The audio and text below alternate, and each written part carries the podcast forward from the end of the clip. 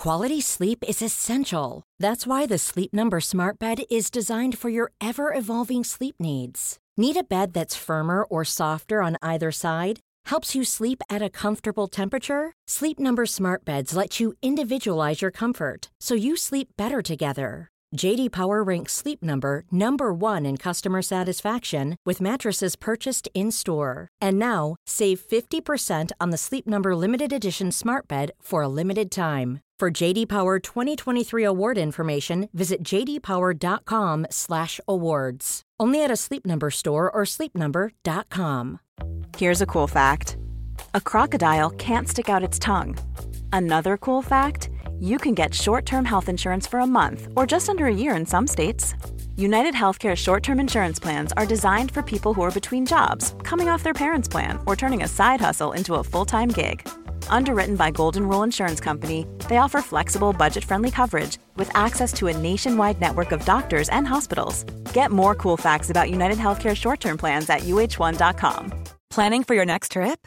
Elevate your travel style with Quince. Quince has all the jet-setting essentials you'll want for your next getaway, like European linen, premium luggage options, buttery soft Italian leather bags, and so much more. And is all priced at 50 to 80% less than similar brands. Plus, Quince only works with factories that use safe and ethical manufacturing practices. Pack your bags with high-quality essentials you'll be wearing for vacations to come with Quince. Go to quince.com/pack for free shipping and 365-day returns. Veckans sponsor är Telia. Hos Telia samlar man mobil, bredband, IT-support, mobilväxel, allt som gör företagande enkelt. Och det är just det här att samla allt på ett ställe, att ha någon att vända sig till när det inte fungerar, det är Telia. Ett exempel på vad som inte är Telia, det är ju som när jag lyckas boka förmötet för en poddinspelning med Finansinspektionen till efter själva inspelningstillfället. Eller när jag här, här året var liksom, fick för mig att jag skulle börja springa, så jag är liksom ute och springer taggad, träffar en kompis som säger så du Jan, på måndag ska jag springa ett lopp.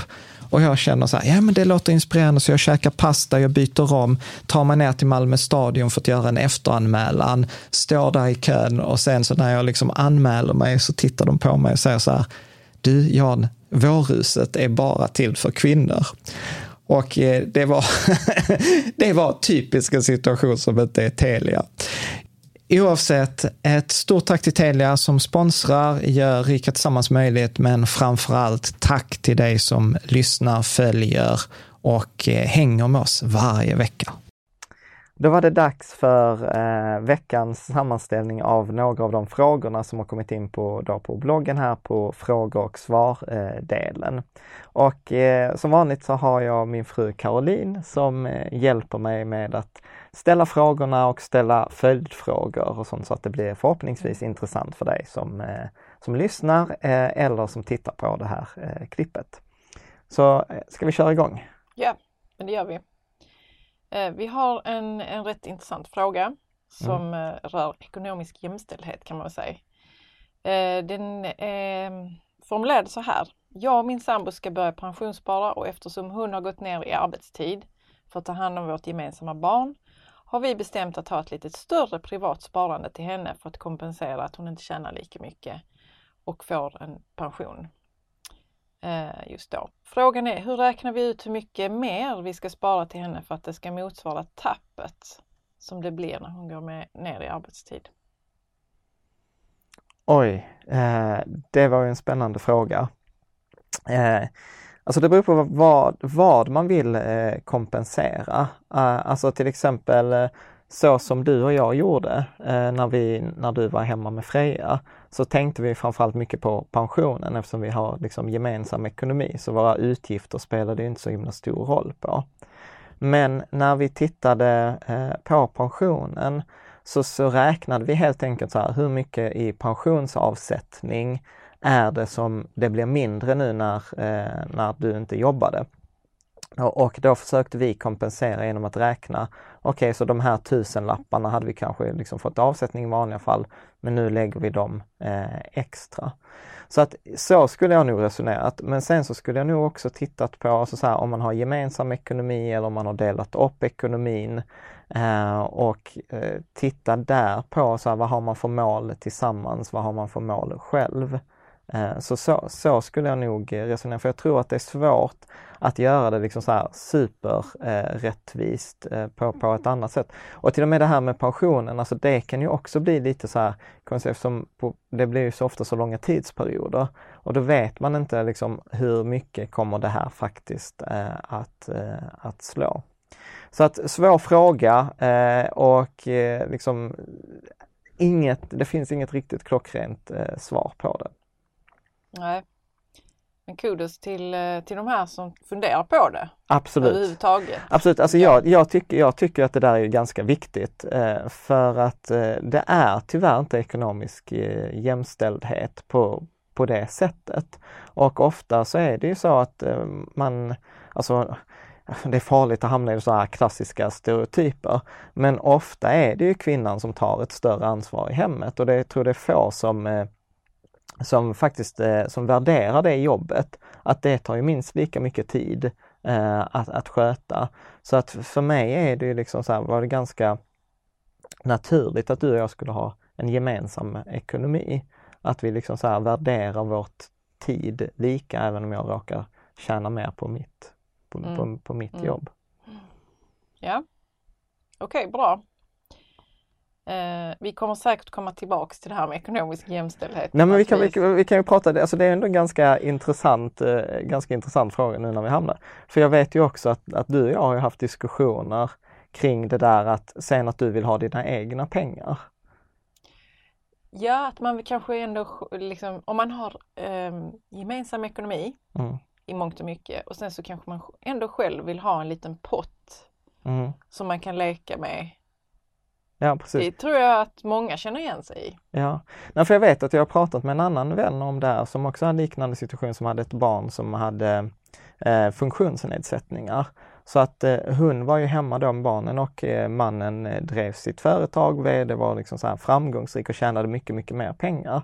Men det blev ju också att att det kändes för henne som att det jobbet värderades kanske inte lika högt som liksom hans jobb eftersom det drog inte alls in lika mycket pengar. Men å andra sidan så fick ju det familjen att funka på ett annat sätt. Så att jag tror att, jag tror att lösningen handlar, ja i alla fall för mig så är lösningen om att värdera de olika uppgifterna lika trots att de ersätts ekonomiskt olika. Mm. Det är väl liksom det bästa du och jag har kommit fram, fram till. Ja, ja absolut. Eh, och det är jag, väl, jag är väldigt glad över att du tänker så. Mm, tack. Mm. För jag tror också att det kan vara lätt att man eh, liksom tänker att eh, okej, okay, nu är jag hemmafru eller någonting en viss period. Mm. Man är hemma med barnen eller jag är hemma pappa. Jag tror mest i och för sig att det rör kvinnor det här med att man, eh, att det är lite så. Det finns något skämmigt med det där att kvinnor tjänar mindre, man vill inte prata om det och så blir så blir det så att man pratar inte om det och då, då kan man inte åstadkomma någonting som att man sparar mer mm. till, till kvinnans pension till exempel eller att Ja eller avsättning, eller så här, avsättning. Jag tjatar ju alltid om att man ska ha den här avsättningen 10% på lönen. Och där kan det också bli så här, okej okay, men säg, säg att jag skulle tjäna 40 000 och du tjänar 20 000 då skulle min avsättning på 10% bli mycket större. Mm. Och då tycker, jag, då tycker jag att det är mer rättvist att vi båda sätter av 3000 liksom i, i det fallet istället för att den ena gör 4 och den andra gör 2. Mm. Men, men det beror ju också på liksom så här vart man är i förhållande. Jag brukar väl säga så här, från det att man är gifta så bör man ju ha en gemensam ekonomi. Man har väl liksom ändå tänkt eh, spendera livet tillsammans. Väldigt svårt om man ska ha delad eller vad man säger, avskild ja. ekonomi. Ja. Sen, sen kan man ju absolut ha avskild ekonomi om det är så att man har stora tillgångar. Mm. Alltså så, här, så, så, gjorde ju du och jag i början också att vi hade ett äktenskapsförord där jag sa för att jag kom in med mer kapital. Men sen så gjorde vi också så efter ett par år att vi tog, tog, tog bort det. Mm. Men det kan ju vara en sån där grej som man kanske inte vill, vill dela på direkt. Alltså det kan vara arv, livförsäkring eller ja, ofta sådana saker. Så det kan man ju exkludera men det löpande tycker jag, har man valt att dela livet så bör man dela ekonomin också. Men detta är som sagt, det är en åsikt. Det är Ja, ju ingen... Det är ju ingen... Det Vi är kan sitta här och ha åsikter men jag tänkte på det men vi pratade om eh, det här med potten. ja. Var det någonting mer vi ville säga om det? Att man vill ha en egen pott eller det var e- kanske egentligen inte mer? Nej, jag tror inte att det var... Nej. eh, men, nej, men jag tror att det är viktigt att man har, att man känner att man har sin frihet med Mm. pengarna. Precis. Och sen, och sen så tror jag också att den här eh, potten, jag brukar ibland prata om det här som är så här e- e- ekonomisk eh, termometer. Eh, eller temperatur. Att i, ibland så kan, kan, man liksom, kan jag känna att, att, eh, att den, alltså så här, utfallen kan variera stort. Alltså om, om jag har till exempel en viss summa pengar, nu bara hittar jag på för att det ska bli enkelt. Alltså säg att jag har 25 000 kronor eh, i, i lön efter, efter skatt. Och så kan det göra att jag upplever att jag har mycket pengar, att jag, har liksom, eh, att jag är generös, jag kan dela med mig, det är inte så viktigt om folk betalar tillbaka sina skulder. Men sen så kan jag hamna i en situation där jag kanske bara har 23 000 kronor. Och plötsligt så blir jag väldigt snål. Du vet, då, då jäklar, då ska alla betala tillbaka och jag upplever att jag har inte råd med någonting. Eh, och jag blir ganska så här person som jag inte gillar hos mig själv. Och liksom tittar jag faktamässigt på det så skiljer det bara 2000 kronor. Och jag vet ju att du och jag hade ju något sånt exempel också för ett tag sedan när du, när du kom och sa så här, ah, jag känner att vi har inga pengar. Och så tittar vi på, på bankkontot och liksom så här, då var det kanske så här 3000 kronor. Och så la vi dit 3000 kronor till så det blev 6000 och plötsligt då kände du inte den stressen. Liksom. Jag vet inte vad det var. Det var ja. Ja, men jag tror, inte, jag tror inte det är något konstigt utan jag tror att det är så för oss att vi är inte alltid helt rationella. Och jag tror att många gånger så är det så här små belopp som faktiskt kan göra stor känslomässig skillnad. Att vi har, vi har alla de här nivåerna. Alltså eh, klassikern är ju där som så här, hur mycket kostar ett dyrt vin? Mm. Eh, och ett dyrt vin, för någon är det liksom 70 kronor, för någon är det 1000 kronor, för någon är det 10 000. På samma sätt så tror jag så här, när är, vad är mycket pengar? Och då kan det vara för vissa att 5 000 är mycket pengar, för någon annan är det 50 000 och för någon annan är det kanske 100 000. För det kan jag märka också under åren att, att det har faktiskt den här summan innan, om jag förlorade 10 000 så var det sjukt mycket pengar för det var en hel månads CSN. Idag är 10 000 vad jag brukar ta som observationspost. Och så här, jag hör något nytt spännande, jag gör inte så mycket research. Jag lägger 10 000 kronor. Förlorar jag dem så förlorar jag dem. Men det är liksom att det spelar inte så himla stor eh, roll i investeringssammanhang för det, det är en så liten summa. Redan där hör jag så liten summa. Ja, Medan jo. så var det ju inte Jag funderar förr. på allt som man kan du vet allt det vanliga man kan konsumera för 10 000. Jag tror, vissa tycker nog det är otroligt mycket Ja men det pengar är ju mycket pengar från ett annat perspektiv, såklart. Men jag bara, vad jag vill kasta ljus på att vi har liksom den här ekonomiska temperaturen och den, den varierar både hur jag känner mig och den varierar liksom över tid med, eh, med erfarenhet också, Mm. skulle jag säga. Det var ju ett långt sidospår. Ja, det finns hur mycket som helst som jag också kommer att tänka på som vi kan ta upp. ja, men säg det. Ja, men säg det. Nu liksom. blir jag nyfiken. Nej men för just det här med, eh, inte ekonomisk temperatur så mycket nu, men det här med ekonomisk jämställdhet. Ja. Så har jag funderat mycket på det där med eh, framtiden och vem som kommer att vara, vem som kommer ha en helt okej pension och vem som kommer ha, vara fattig. Mm. Och, vad, och det är som att vi pratar ibland på middagar med vänner och vi kommer till pensionen av någon anledning. Mm. Av någon anledning. Av jag någon vet inte. Och eh, vi kommer då fram till att det kommer inte vara så mycket pengar som finns för oss i framtiden och att det är ändå de som är lite intresserade i yngre år mm. eller kanske 20 år innan de ska gå i pension åtminstone som kommer att kunna få, få en bättre pension. Ja. Och jag tycker det är lite, jag, jag undrar så vilka, jag tänker så på kvinnor till exempel som blir Mm. fattigpensionärer. Alltså jag tycker Mm. att det är onödigt och sorgligt. Och det är ingen fråga som har kommit upp här nu men jag Mm. tänker på det ibland. Mm. Så. Onödigt det där med att vara en fattig Ja, alltså jag, jag tror så här, alltså, eh, är det svårt vad, vad man nystar i den, börjar nysta i den frågan. Eh, men men jag, jag skulle ju säga så att det som är lite eh, läskigt och som jag inte tror så himla många tänker på, det är ju att ansvaret för många olika saker i Eh, i vårt samhälle idag flyttas över på mig som individ.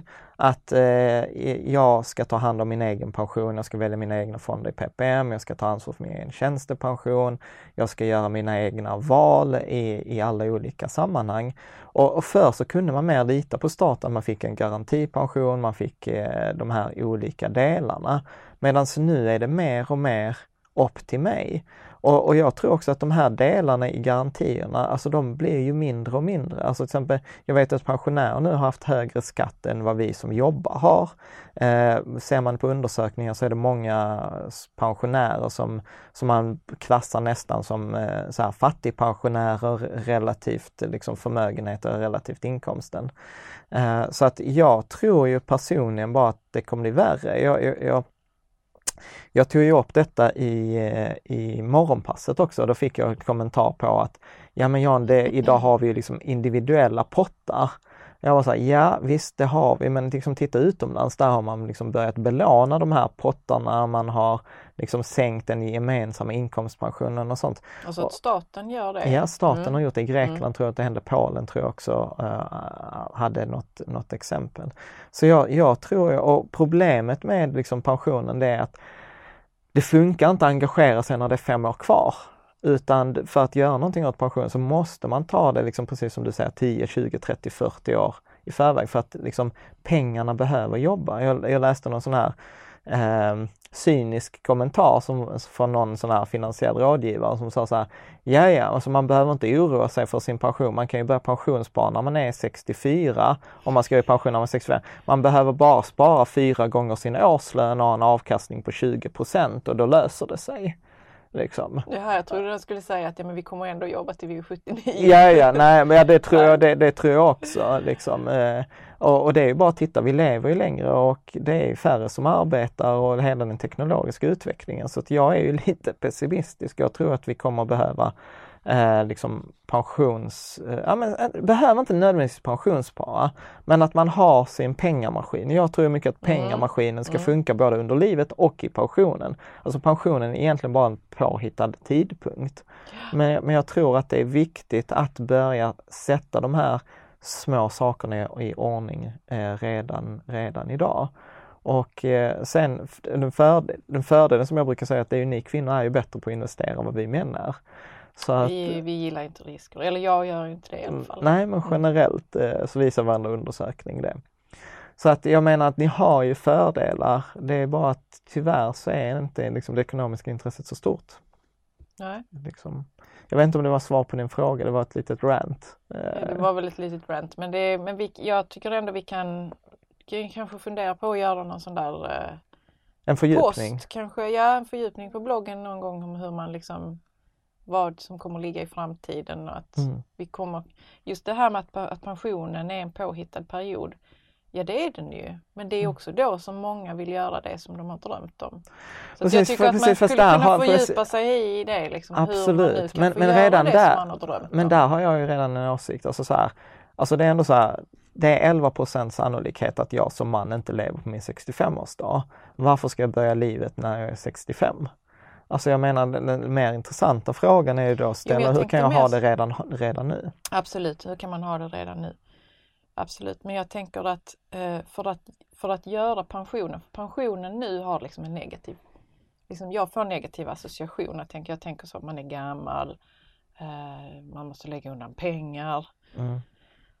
Kan man göra det så att pensionen får en, en positiv association? Att, det är liksom, att man kommer att kunna ha lite extra tid över till saker som man kanske, man kanske vill göra andra saker då än nu. Mm. Och eh, man vill ha tid till det, man vill ha pengar till det. Alltså mm. att man kan associera pensionen med någonting väldigt positivt, tänker jag. Ja, alltså jag, jag, jag tror, jag gillar ju mycket den här eh, uppgiften som jag fick av min coach vid ett tillfälle. Och så här, men definiera vilken livsstil du vill ha. Mm. Och sen sätt en prislapp på det. Så vill jag resa, ja men då behöver jag ju räkna ut vad kostar resa idag? Och sen så behöver man liksom så okej, okay, så om jag ska kunna resa till exempel en, vara borta en hel månad när jag är pensionär. Okej, okay, vad kostar det på en sån den typen av resa som jag vill göra? Men det kostar 25 000. Okej, så om jag skulle vilja vara borta 12 månader, ja då vet jag att då blir det 300 000. Okej, och då kan man ju räkna baklänges i nästa steg. Så okej, så om jag ska ha 300 000 efter skatt i avkastning, vi räknar på kanske 3 eh, 3 avkastning per år för att det ska bli mest enkelt att räkna. Ja, då behöver jag 10 miljoner. För 3% på 10 miljoner, det är 300 000 om eh, året. Okej, okay, bra.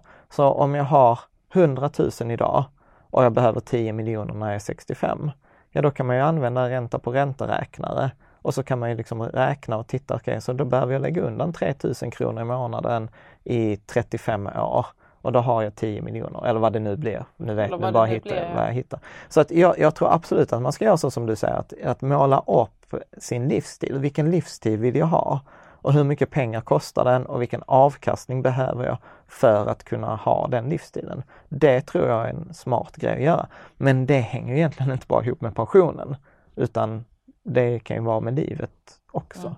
Mm. Bra. Okej, okay, så då har vi tagit ekonomisk jämställdhet. Ja, göra, göra en budget på 35 år och räkna på avkastning. Ja, vilket liv vill jag ha e- ja. etc. Ja, bra. Okej, men vi skulle kunna hoppa vidare till nästa läsarfråga. Ja. Det kommer eh, en läsarfråga eh, kring det här avgifter i bank. Ja. Eh, och då är det en läsare som har upptäckt precis att eh, den vanliga banken tar ut en avgift för varje stående överföring som görs till en annan bank. Och det är 15 kronor per gång. Mm.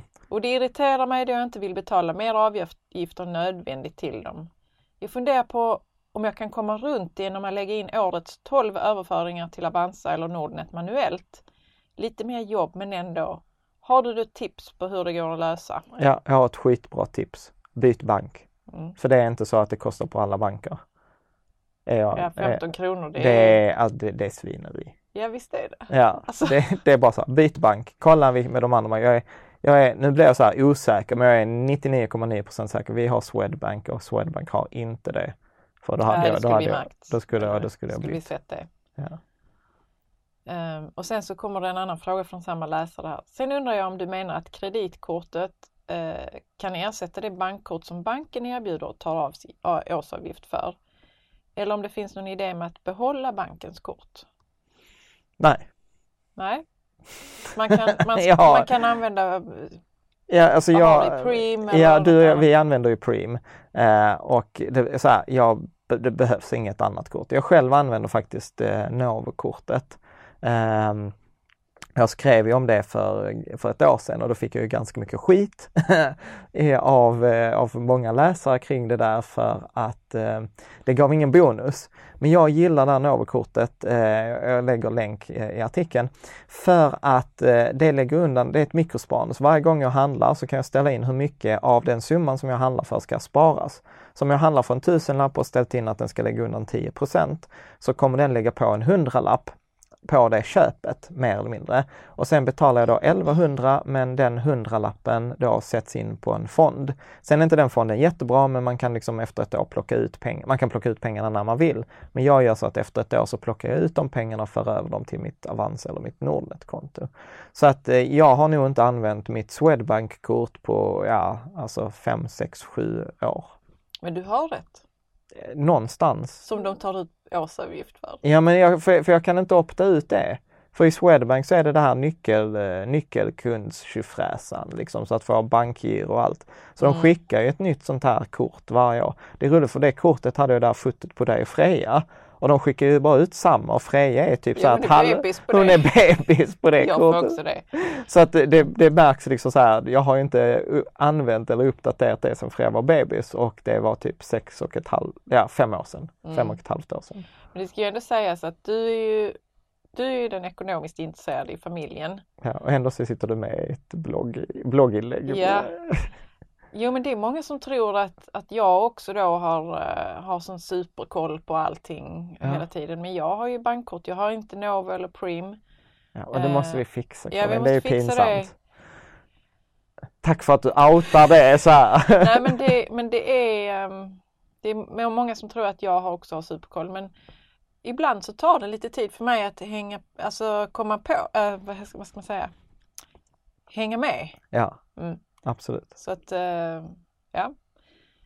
Du säger helt enkelt att du får, eh, du får byta kort. Ja, men jag är glad att detta kom upp här nu i och med denna bankfråga, eller denna frågan från en läsare. Ja. Ska vi, vi går vidare till en annan fråga som är lite spännande tycker jag. Ja. Eh, det är en ovanlig historia från en, eh, en läsare, Emil, som har öppnat eh, ett Nordnet-konto precis. Ja. Och eh, han fick då veta att eh, välkommen tillbaka. Okej. Så han, han eh, fick höra att han hade, att han hade gjort, eh, att han hade ett 1300 Fingerprint-aktier som hade gått 1000% plus sen köpet 2004. Som låg där på Nordnet. Okej, fan vad, vad trevlig överraskning. Ja, det är en trevlig överraskning men nu så nu känner han att han faktiskt verkligen behöver be om råd. Ja. För han undrar, ska jag sälja, eh, sälja dem? För att de har, ju, de har ju haft en kurs på 135 kronor Ja. vid något tillfälle men nu ligger de på 35 så att han har ju, de har ju nått en topp. Ja. Det har ju varit någon skandal också. Ja, ja, det, Så han det, vet inte riktigt vad han ska göra med, ska han Ja. sälja allt eller ska han sälja delar av det eller? Ja, Jag tänker, vad, va- vad, ska man Det- svara på det här? Ja, det är en bra fråga. Jag skulle säga så här, att det beror på vad målet är, vad tidshorisonten är, vad risknivån är. Alla de grejerna bör man ju ta, ta i avvägande. Det är därför man pratar om liksom så här finansiella, rådgiv, eh, finansiella rådgivare och att faktiskt ta hjälp eh, av dem som har liksom rätt certifieringar och sånt. Hur jag skulle resonera i mitt eget fall så är det så här, ett, jag gillar inte risk jättemycket. Jag har ofta ett långsiktigt perspektiv på 5 till 10 år och jag skulle säga att precis eh, som man säger, liksom så här, att det kan gå jättemycket upp och jättemycket ner. Därför hade jag, liksom, jag hade sålt av allting, kanske behållit några få mest liksom för skojs skull eftersom det är ändå de som var med. Och sen så skulle jag placerat i nybörjarportföljen eller globala barnportföljen, lite beroende på vilken tidshorisont eh, som jag har. Kan man, kan man eh, nu tror jag ändå Emil har fått svar på sin fråga, men kan man säga, kan, kan du säga något om Fingerprint? Nej. Nej, okej. Jo, men det finns väl massor att Ja, för säga. jag hänger inte med Fingerprint. riktigt. Jag har förstått att det har varit eh, Alltså inside, Fingerprint, eh, nej men det har inte, alltså det jag tror att man vet inte. nej. Men Fingerprint har ju varit en sån här sak, den har gått jättemycket upp och den har gått jättemycket ner och Är det det har sån varit läsare? mm, Ja, de gör så här fingeravtryckssensorer till mobiltelefoner. Eh, och, och det har varit verkligen så här fundamentalistiskt. Eh, alltså på när antingen så är du för Fingerprint eller så är det emot. Och det har varit mycket känslor kring det här och man har haft en styrelseordförande som har, eller VD som har liksom twittrat så här, oh, nu tycker jag att kursen är undervärderad. Så att, alltså det har pågått massa grejer som inte är vanligt i, i de här Vilket sammanhangen. gör det väldigt spännande ju också. Vilket att jag har gjort det för många väldigt spännande och det är väl direkt alltså antitesen kring det som jag brukar prata om. Sparande ska inte vara spännande. Det ska vara tråkigt så att, som att se målarfärg torka. Mm. Mm. And that's about it, about fingerprint. Men kan vi, kan vi bara hänga kvar?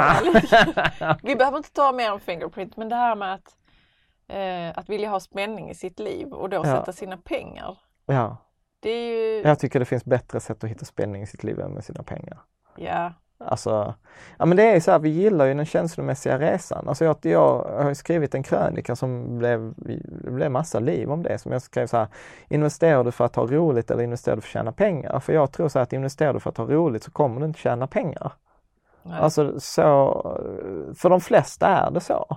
Sen kan man ha en liten del av sin portfölj som jag brukar kalla lekportföljen, alltså kanske 10% av sitt kapital i Fingerprint och annat sånt här roligt för att för att det är skoj och jag ska hålla med om det. Det är sjukt spännande att se en aktieticker, liksom se hur eh, kursen förändras sekund per sekund, hur man tjänar pengar och man förlorar pengar och det blir historier när man vann och historier när man blev dåligt. jag kan Men, säga vi har ju, vi har ju några Tesla-aktier. Och ja, där du har det, några Tesla-aktier. Ja, och där är det ju liksom inte så att jag tittar på dem särskilt ofta, men det känns bra att ha satt lite pengar i ett företag som liksom vill Som är framåt. övervärderat och har problem med Säkert, produktionen. säkert. Och...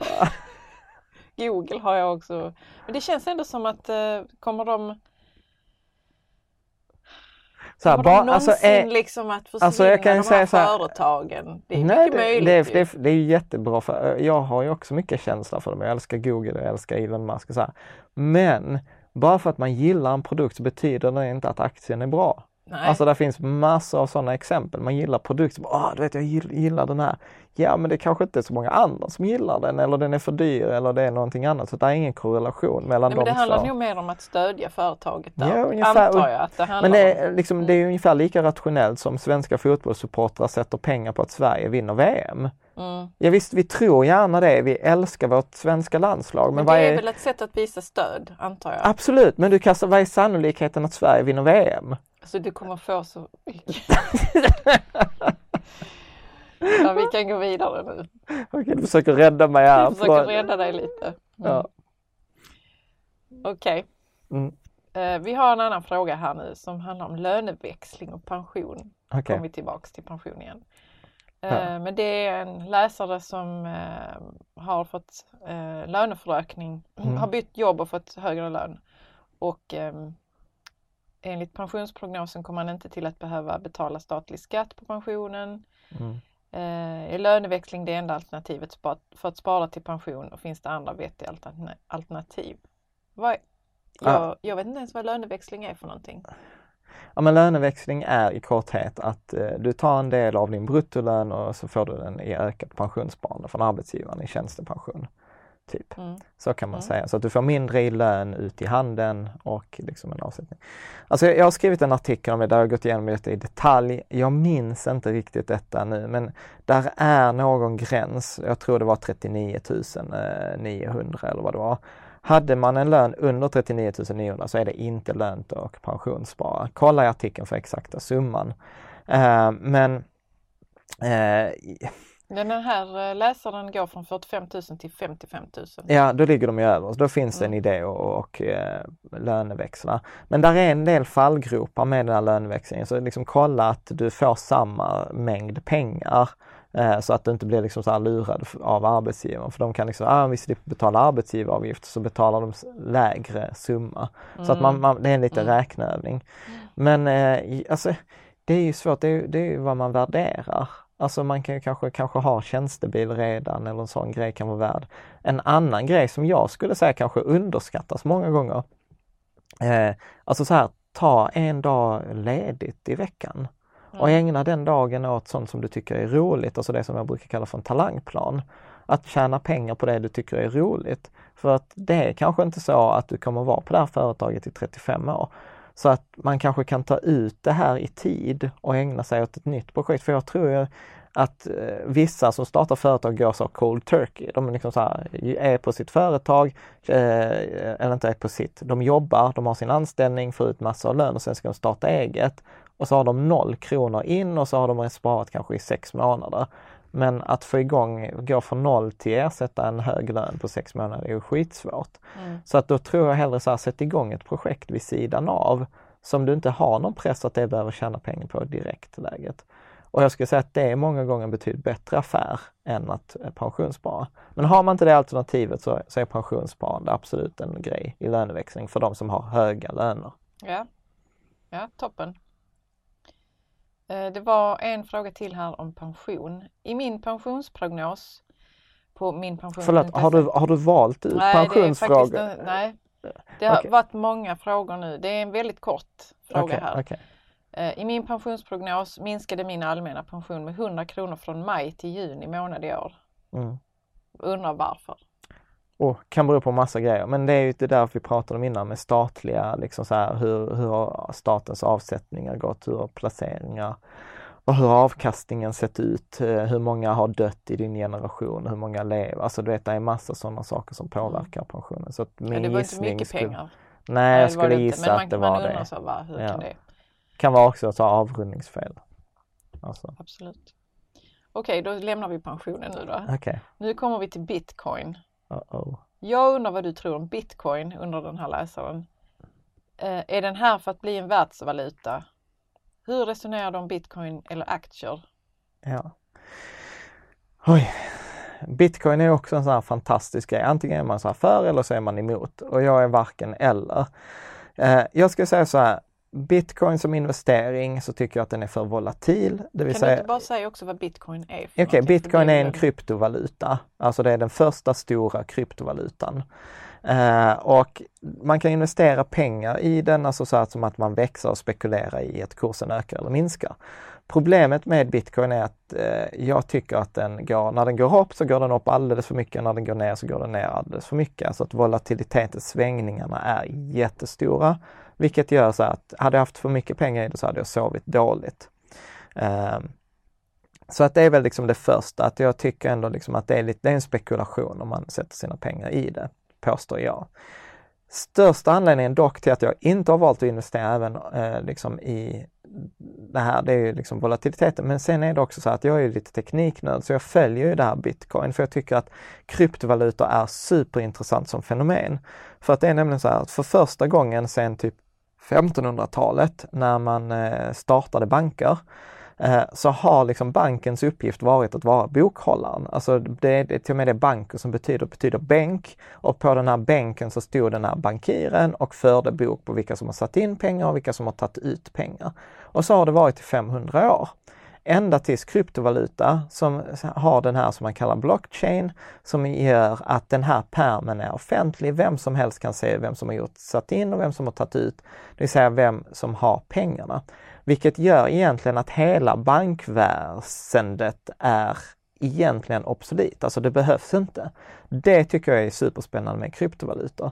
Sen är det väldigt sällan det är den första kryptovalutan eller den första fenomenet som lyckas, utan ofta är det liksom nummer två eller nummer tre eh, som lyckas. Och bitcoin har ju problemet, ett, att man vet inte riktigt vem den här Satoshi som har startat bitcoin är och drivs eh, egentligen av, jag tror det är sex huvudprogrammerare.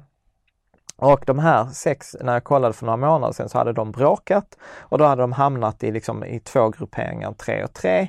Och rätt länge så kom man ingenstans. och Man hotade med att forka då den här bitcoin eh, källkoden, det vill säga att göra två varianter av den.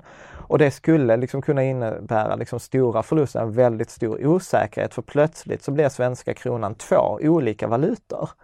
Och alla de här grejerna gör att jag tycker att det är jättestor risk och eh, det är ändå lite, liksom, och jämfört med och risken är, den är hög, men den är ändå låg jämfört med alla andra kryptovalutor som kommer. Så att min, om jag skulle sätta pengar på någonting så skulle jag säga så att eh, vi har inte sett den kryptovalutan som kommer ta över. Min gissning är att den kommer komma och den kommer stödjas av någon stor, stor aktör, förmodligen av Apple eller Google eller någon sådan part. Så men, att, eh, kan du, varför, varför behövs ens kryptovaluta? Nej, men kryptovalutan plockar ju bort alla mellanhänder. Alltså, mm, det, precis, alltså, det plockar ju bort bankerna, har ju ingen uppgift.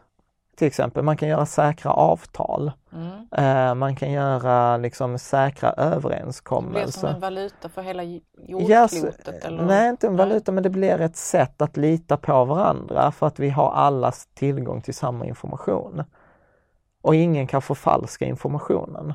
Alltså man pratar ju om att göra så här, eh, borde intressera dig som har forskningsbakgrund, alltså typ en Wikipedia där man har en blockchain för att komma överens om vad som är sant. Och blockchain är? Ja men det här just eh, att alla kan se vad, liksom, okay, vem som har gjort vad. Att det är transparent? Ja, att det är eh. transparent och att ingen kommer liksom kunna förfalska, eh, förfalska de här sakerna.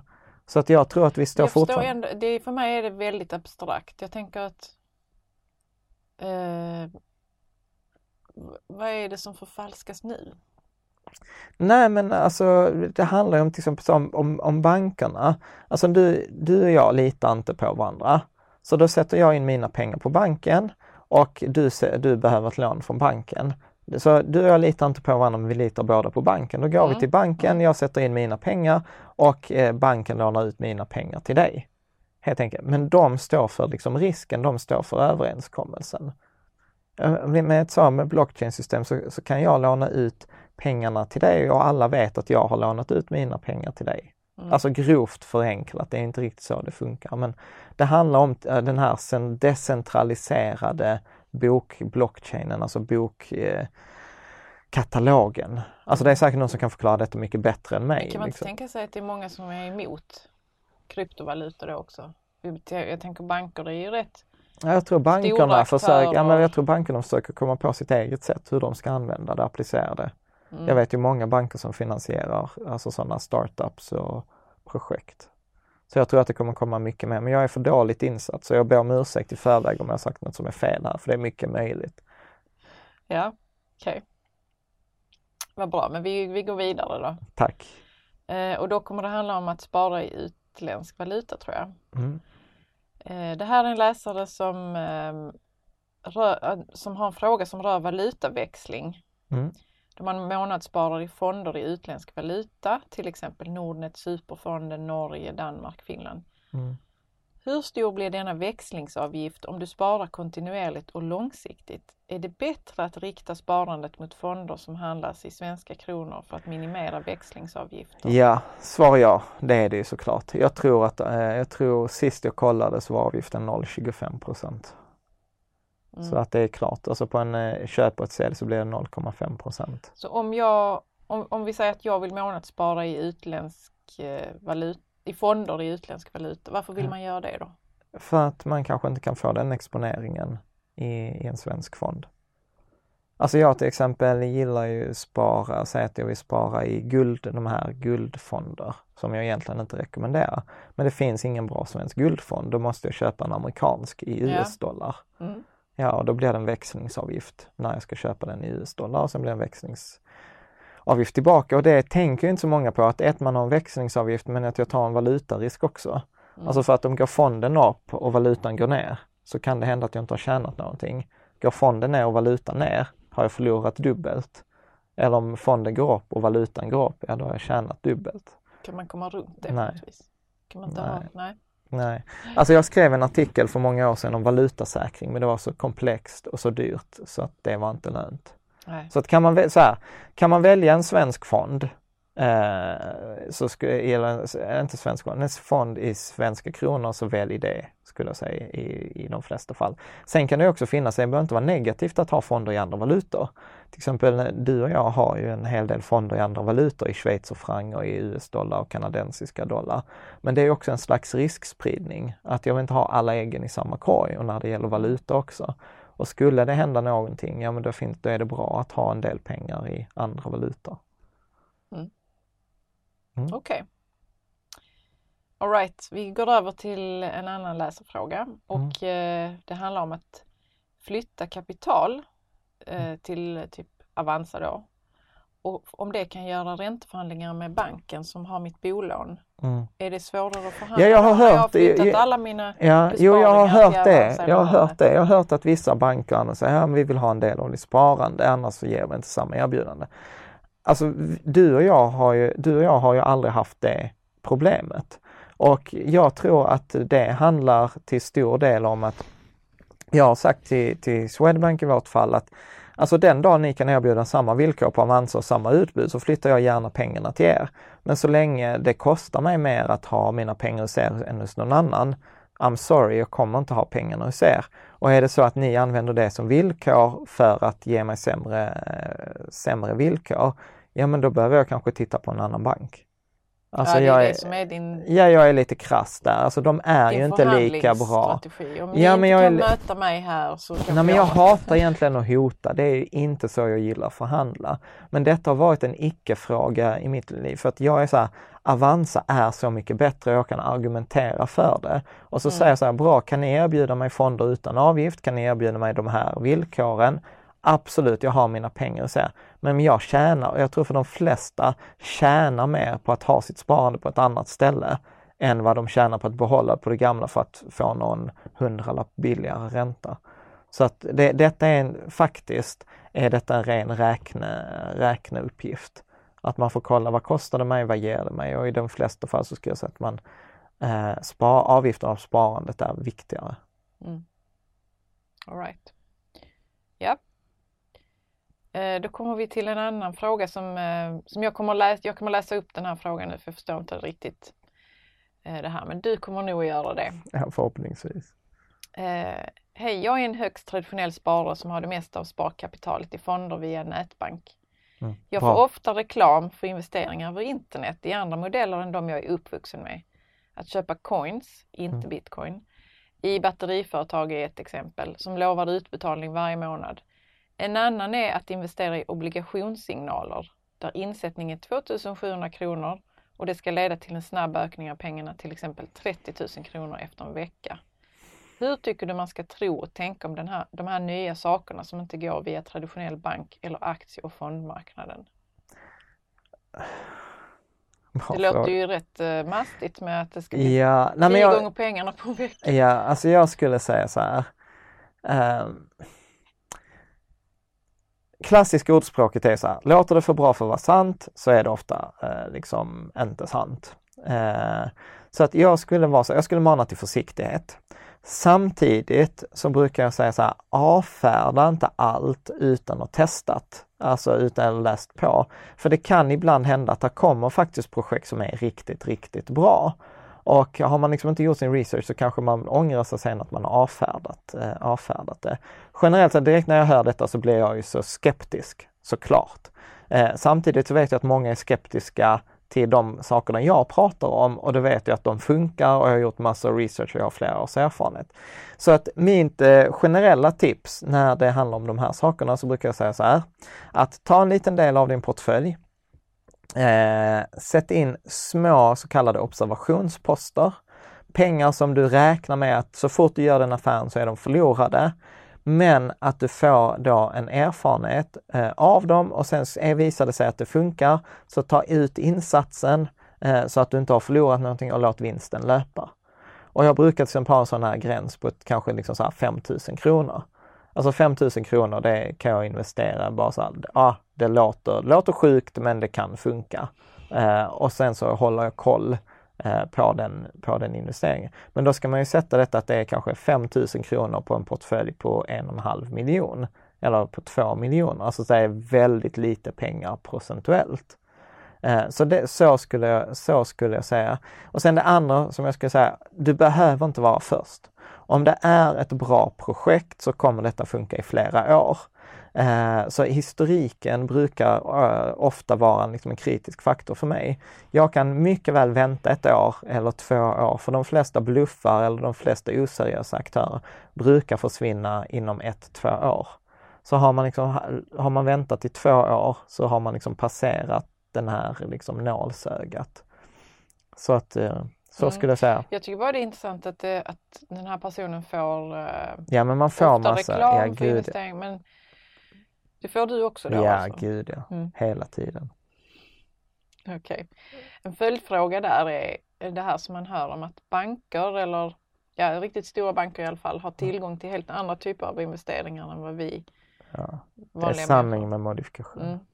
Jag ska inte säga att det är så stort. Alltså det är vissa så här, vissa fonder eller sånt, ja men de tar inte in belopp små investerare utan de vill ha kanske en miljon US-dollar eller 10 miljoner euro eller något sånt. Men de ger inte supermycket bättre avkastning. Nej. Alltså en, en rimlig avkastning är, eh, är på liksom är börsrelaterad papper är 7-8 procent. Mm. Sen kan man göra derivat och sånt som kan ge 100 procent men det är så höga risker och då kan du ofta förlora hela beloppet. Eh, och så att det är där jag brukar så här, vara försiktig med investeringar där du kan förlora hela beloppet. Min klassiska, min, jag tjatar alltid om så här, max 58 i en enda investering. Och jag skulle säga när det gäller de här exemplen, då skulle jag säga att 1% av ditt kapital, max, max, max. Testa. Mm. Bra. Okej, vi kommer till en fråga som är rätt lång men jag kortar ner den här. Mm. Eh, hur startar man företag när man inte har några pengar? Och, och det kommer följdfråga här, hur säljer man sig själv? Vilka plattformar kan man använda sig av? Vad ska man tänka på? Eh, den som ställer frågan tycker det är synd att folk som har idéer inte, inte liksom gör um, verklighet av dem för att man inte har pengar. Alltså det finns ju massor, jag älskar ju det här ämnet. Eh, det första jag skulle säga är sälj skinnet innan björnen är skjuten. Mm. Alltså det är så här klassiker, det är vår, vår, eh, vår vän Charlie som brukar prata om det där. Att det viktigaste när man startar företag det är att sälja. Sälja, sälja, sälja. Hitta slutkunden, få dem att köpa. Du vet, det är inga problem att säga så. Vet du vad, jag ska sälja den här produkten. Är du sugen på att köpa det, det är leverans om sex månader. Mm. Liksom. Och då har du sex månader på dig. Sen kan du ta då det här kontraktet eh, och så säga till en finansiär, hej kärfinansiär, jag har inga pengar för att skapa denna produkten men som du ser, jag har redan sålt 10x för den här summan.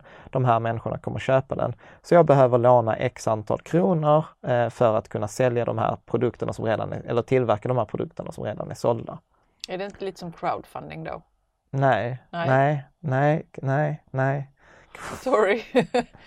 nej, crowdfunding ofta återigen att folk tar in pengar Eh, det beror på vilken typ av crowdfunding. Det finns crowdfunding där man tar in pengar för att bygga företaget. Eh, som Funded by Me och sådana. Sen finns det Kickstarter där man köper. Men crowdfunding i företagssammanhang bör man egentligen bara se som en marknadsföringskanal. Mm, okay. Men, men utan så här, sälj, sälj, sälj, sälj, sälj. Det, det är vad man ska göra. Och sälja kan du göra även utan pengar. Alltså mm. försäljning, alltså hade allt skitit sig i vårt liv, jag inte hade haft något jobb, då hade jag börjat sälja grejer. För kan du alltid tjäna pengar på. Antingen sälja andras produkter eller sälja dina egna produkter. Mm. Och, och, sen vet jag att det är mycket, alltså vi hade kunnat ta en hel timme och prata om försäljning. Där jag älskar försäljning jag tycker att försäljning är en, en möjlighet att bjuda in. Det är en inbjudan att ge en annan person en möjlighet att göra någonting som är bra. Uh, så att så att jag, det, det, är väl egentligen, ska jag ge ett råd, det är det viktigaste. Sen finns det hundra sätt att låna pengar, friends, full, friends family, fools, alltså massa sådana grejer. Men jag ska säga det viktigaste, det mest lönsamma, det som jag blir mest imponerad av, det som är enkelt att hitta riskkapital till, det är ha försäljningen färdig. Du kan ha försäljningen färdig innan du ens har tillverkat din första produkt och de flesta gör tyvärr tvärtom. Och vad du menar är att om det är någon som vill köpa, ja. då har du skapat ett värde. Ja. Och vill ingen värde. köpa så behöver man inte lägga massa tid på tillverkning för det är ändå ingen som vill ha det. Nej. Så att det är så win-win. Sälj, det är det viktigaste. Mm. Ja, du, du säger att du älskar försäljning och det är ändå rätt många som tycker det är svårt. Ja, men, men du har ju ändå hållit på ett tag. Ja, men jag hatade ju försäljning. Det tog mig flera år att lära mig för att jag trodde att försäljning handlar om att kränga och övertala och värva och, och, och massa negativa saker. Men, men, men liksom vad jag insåg till slut var ju att försäljning här är ju något fint.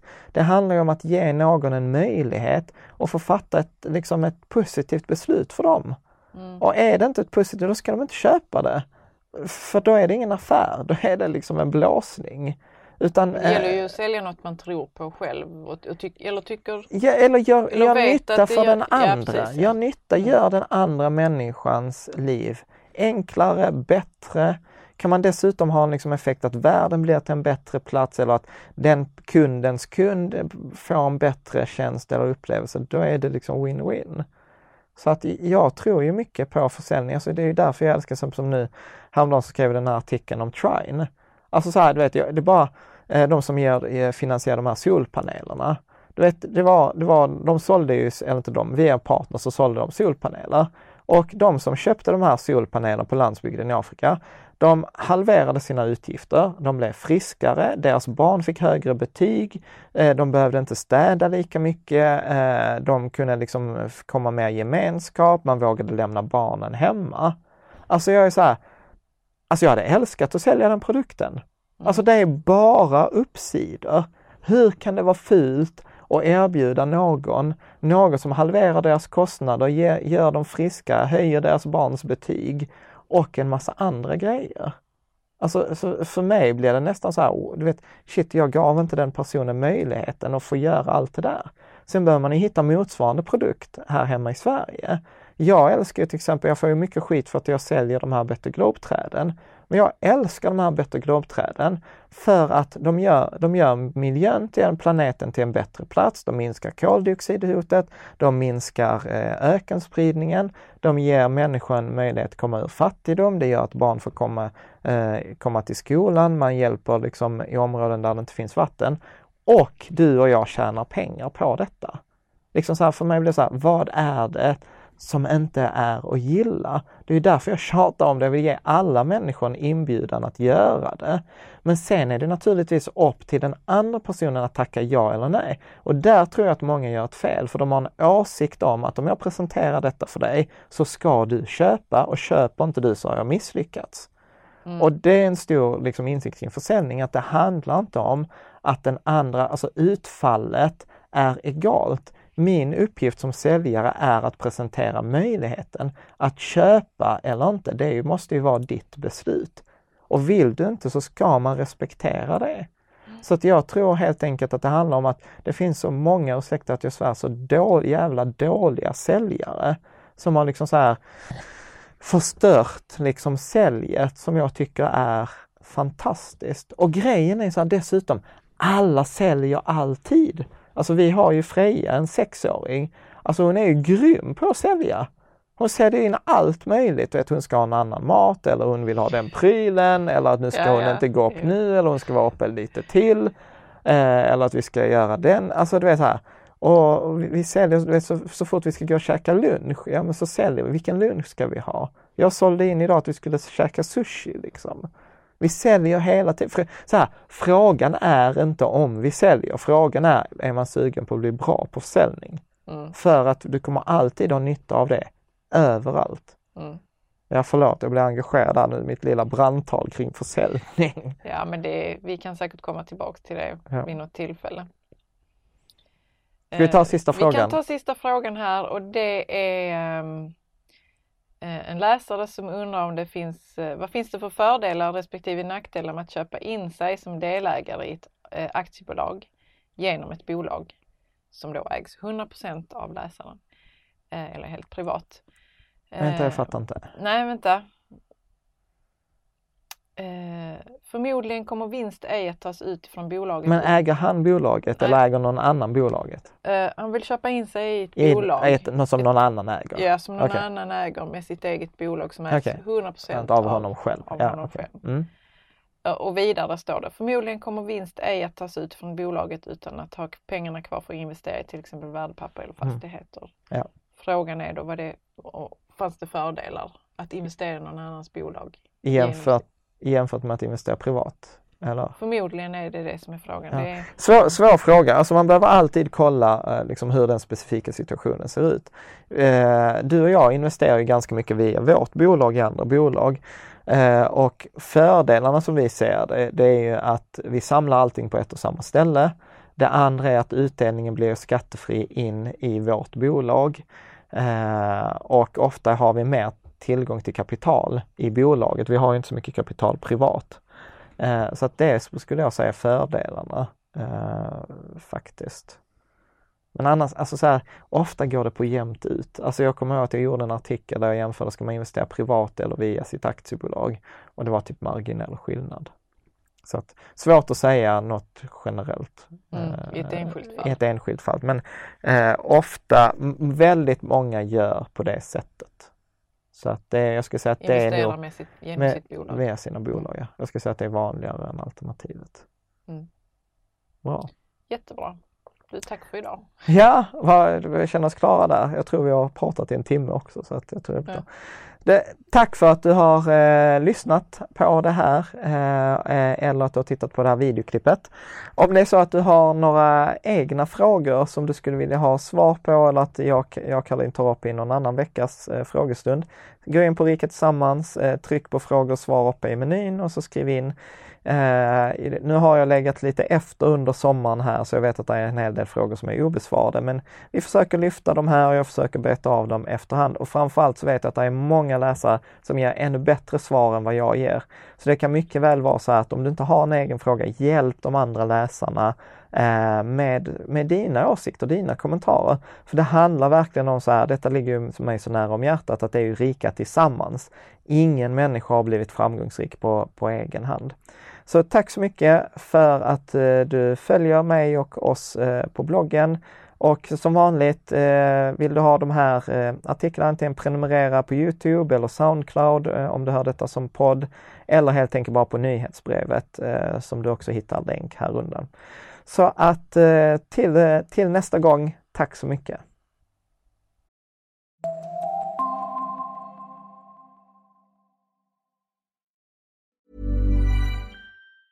Mom deserves the best, and there's no better place to shop for Mother's Day than Whole Foods Market. They're your destination for unbeatable savings, from premium gifts to show-stopping flowers and irresistible desserts. Start by saving 33% with Prime on all body care and candles. Then get a 15-stem bunch of tulips for just $9.99 each with Prime. Round out Mom's menu with festive rosé, irresistible berry chantilly cake, and more special treats. Come celebrate Mother's Day at Whole Foods Market.